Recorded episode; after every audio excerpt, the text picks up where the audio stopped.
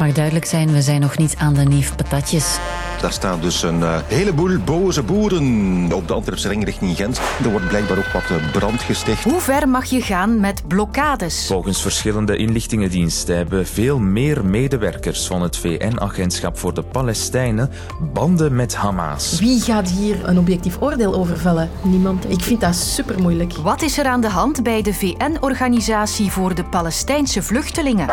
De Mechelse herder oh, nee. beschermt het baasje en de hond is doodgeschoten. Ik vind dat we veel te sentimenteel doen over het doden van dit soort dieren. Ja, daar bewandel je een gevaarlijk pad het, ja, met die uitspraak te doen. En wat als een huisdier het werk van de hulpdiensten verstoort? Ik vertel het in dit kwartier. Welkom, ik ben Sophie van der Donkt. Ik hoop voor jou dat je vandaag vlot thuis geraakt en op dit moment niet vastzit bij een blokkade. Want ook vandaag en wellicht de rest van de week blijven de boeren met hun tractoren protesteren tegen de Europese landbouwregels. Wat moeten we nog doen om gehoord te worden? Dat is eigenlijk het grote probleem. Tot wanneer er ons wordt geluisterd.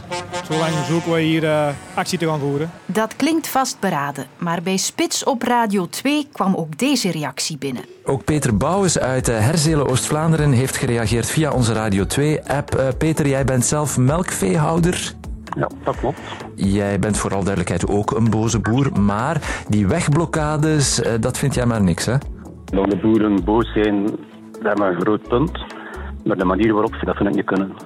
Ik denk niet dat wij als boer zijn de heel de maatschappij moeten terroriseren voor ons punt te maken. Want die blokkades hebben wel wat gevolgen. Files en vertragingen, dat is vervelend. Maar hulpdiensten die er niet voorbij kunnen, dat zou levensgevaarlijke situaties kunnen opleveren. En dus verplaats ik mij even in de rol van een boze boer. Hoe ver kan ik gaan met mijn wegblokkade? Hallo. Pieter Pessinowski, expert arbeidsrecht aan de ULB en de KU Leuven, gaat voor mij door de regels en wetten. Ja hoor. Ik haal mijn John Deere van stal en rij de E19 op. Eigenlijk is het het kwaadwillig belemmeren van het wegverkeer en door een middel van een aanslag een gevaarstoestand te creëren, dat is strafbaar. Met paletten, met tractoren, uh, een vuur aansteken en dergelijke is voldoende om een aanslag te zijn. Als u een file veroorzaakt waarbij er een gevaar is op kopstaart aanrijdingen of er is rookontwikkeling door de banden die u in brand heeft gestoken, dan kan men spreken over een gevaarstoestand. Dus dat zal wellicht snel het geval zijn. Denk dat er voorlopig slechts een kleine kans is op een vervolging. Maar als de situatie verder uit de hand loopt, dan zou er meer druk kunnen komen op de politie om toch een harder vervolgingsbeleid te gaan voeren. Dus ja, een, een, een fikse geldboete en een gevangenisstraf met uitstel is wel mogelijk.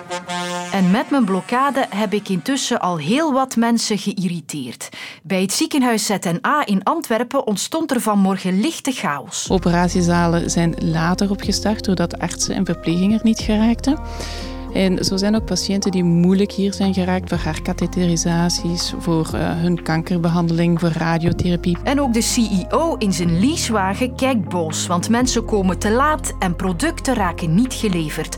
Kan hij mij als boer aansprakelijk stellen? Wel ja, er is ook sprake van, van aanvallen op Colruyt, bijvoorbeeld op een vrachtwagen gisteren, of distributiecentra die worden geblokkeerd. Uh, je hebt ook privé, burgerlijke schade die de bedrijven zouden kunnen proberen te verhalen op de boeren, maar op wie dienen ze dat te verhalen? Ze gaan die boeren dan wel moeten identificeren en dat kunnen bewijzen dat het juist die boeren zijn die het hebben veroorzaakt. En, en, het, het, interessante aan deze demonstratie is ook dat het vrij ongeorganiseerd gebeurt, spontaan gebeurt. Er is niet echt een leidinggevende, organiserende kracht hierachter. Dus wie ga je dan juist moeten aanspreken?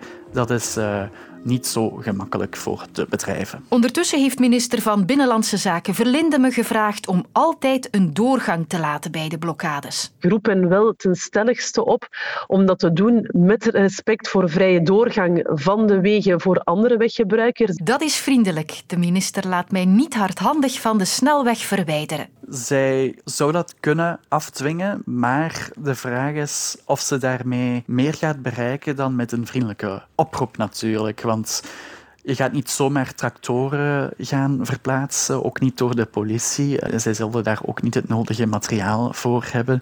En ik denk ook dat minister Verlinde eh, met haar achtergrond bij de CD&V niet te hard politiek gezien kan optreden tegen de boeren, gezien dat toch een van de achterbannen is van uh, CD&V. En bovendien, voorlopig hebben de boeren nog vrij veel politieke goodwill, ook van de algemene bevolking. Voorlopig zeg ik, dat kan nog veranderen natuurlijk, als de situatie verder uit de hand loopt.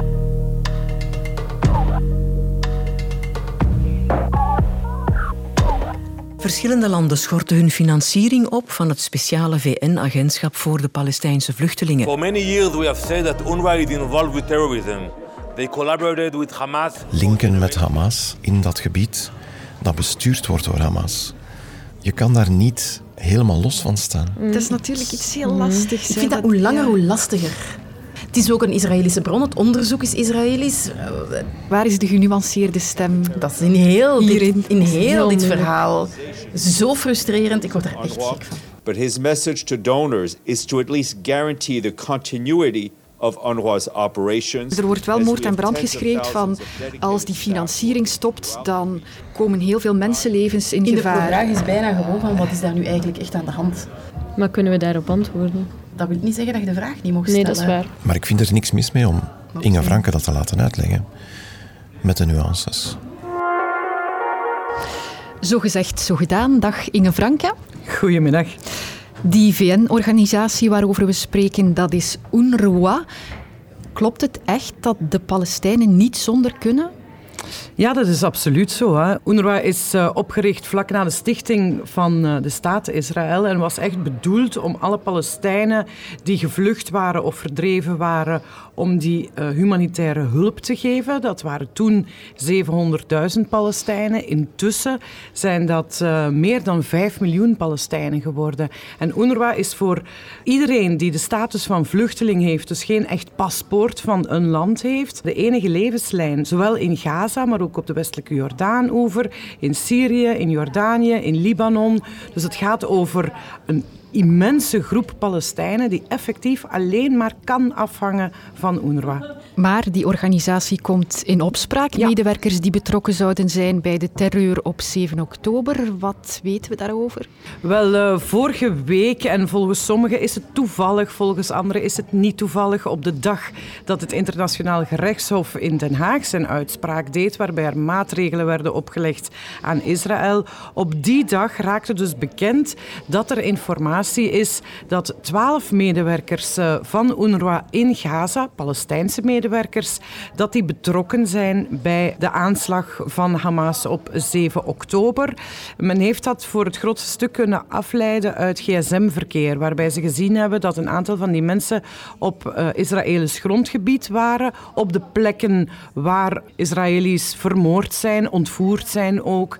En er zijn nog wat andere gegevens die volgens Israëlische inlichtingendiensten erop wijzen dat tenminste twaalf leden. Zijn het er meer, zijn het er minder? We krijgen geen exacte informatie.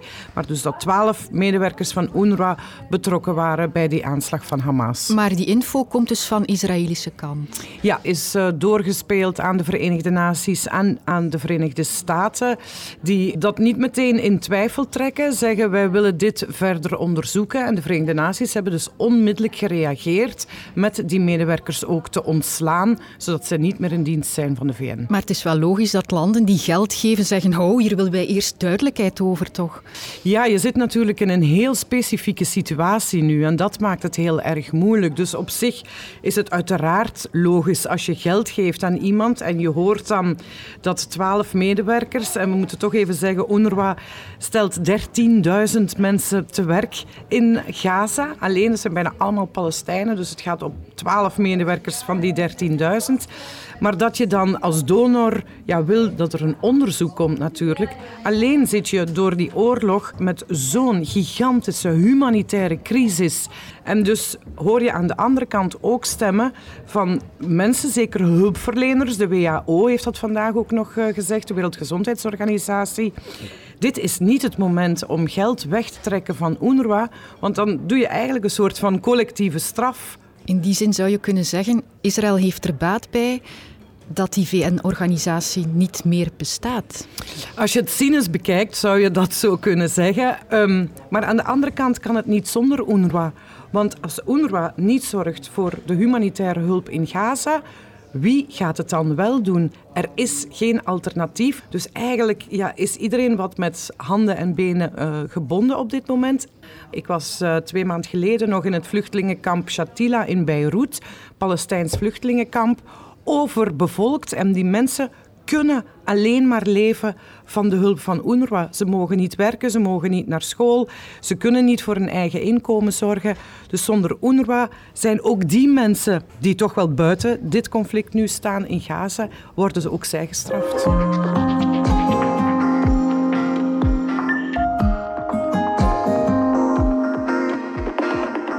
Vanmorgen in het laatste nieuws las ik een verhaal waar ik toch van opkeek. Het speelde zich af in Mechelen, met in de hoofdrol een hond, een zwaar gewonde man en de politie.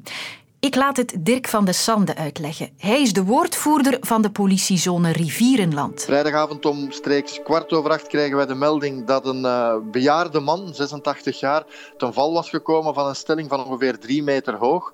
Op zijn terrein, een afgesloten terrein, een afgesloten tuin aan zijn woning, was ook zijn hond aanwezig. Maar dus uh, bij het oproepen van uh, ons als politie en de hulpdiensten bleek dat de hond ons niet op het terrein liep. Die was ook in een stresssituatie beland en die liet ons niet op het terrein. En vervolgens hebben wij dan uh, zo snel als mogelijk een heleboel dierenartsen gecontacteerd met het oog op een van die dierenartsen ter plaatse te krijgen om het dier te kunnen verdoven. Maar ondanks het contacteren van 16 dierenartsen, of meer dan 15 om zo te zeggen, en de 16e dierenarts die kon dan ter plaatse komen, maar die diende van de kust te komen. En dat was net te lang, een traject van anderhalf uur, want de mugarts, die ondertussen ook door de verplegers ter plaatse was geroepen, gaf toch de diagnose dat zo snel als mogelijk de man moest geholpen worden. En daarop hebben wij dan als eh, politie, hebben onze collega's dan helaas de hond moeten uh, neutraliseren. Neutraliseren, doodschieten dus. En dat was geen gemakkelijke beslissing. Nee, dat is, dat is een heel moeilijk moment. Dat is een zeer grote impact voor onze collega's. En in die zin hebben wij als politie Rivierenland daar onmiddellijk ook de nazorg van onze collega's opgestart. De politie probeerde de hond wel te kalmeren, maar hij bleef agressief. En normaal komt er dan dus een dierenarts ter plaatse. Wanneer wij als politie geconfronteerd worden bij een incident waarbij zich een aantal zaken voordoen die buiten onze core business gaan, dus buiten het typische politiewerk, dan gaan we altijd beroep doen op een expert dan gaan we altijd iemand ter plaatse roepen. In geval van gebouwen gaan we daar dan een architect ter plaatse vragen.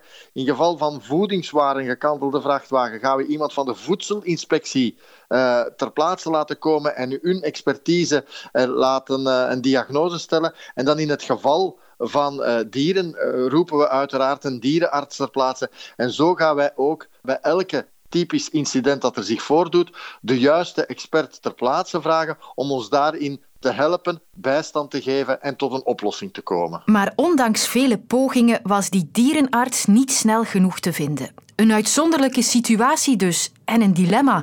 Want wanneer haal je als hulpverlener de trekker over? Je dient altijd uh, hulp te bieden daar waar je kan hulp bieden. En uh, hier zaten we met twee sporen. We zaten enerzijds de hulp die moest geboden worden aan de man die gevallen was van een drie, vier meter hoge stelling. En anderzijds de hulp die moest gegeven worden aan het dier om dat tot rust te krijgen en om zo de hulpdiensten toe te laten. Zijn daar regels over?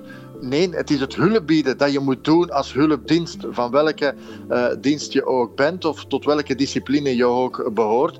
En die disciplines, hier dan de medische discipline en de politionele discipline, die hebben overleg gepleegd, die hebben gekeken hoe lang kunnen we het doen met de verplegers de gekwetste man te laten aanspreken en van op afstand op te volgen. Maar op een bepaald moment komt daar dan de diagnose van de dokter bij en dan moet je gaan schakelen. En helaas was dit dan de factor dat we moesten schakelen richting het neutraliseren van een dier, omdat de dierenarts op dat moment nog onderweg was, omdat hij een traject van anderhalf uur diende af te leggen. Jou wens ik in alle gevallen een kortere reistijd toe. Dat kan tegenvallen op een dag als vandaag, maar je weet het intussen. Elke week dag kunnen wij jou een kwartier gezelschap bieden. Wil je meer te weten komen over China? Zo vaak in het nieuws, maar ook zo vaak een mysterie. Luister dan naar de maandelijkse podcast China voorbij de muur. Nu in de app van VRT Nieuws.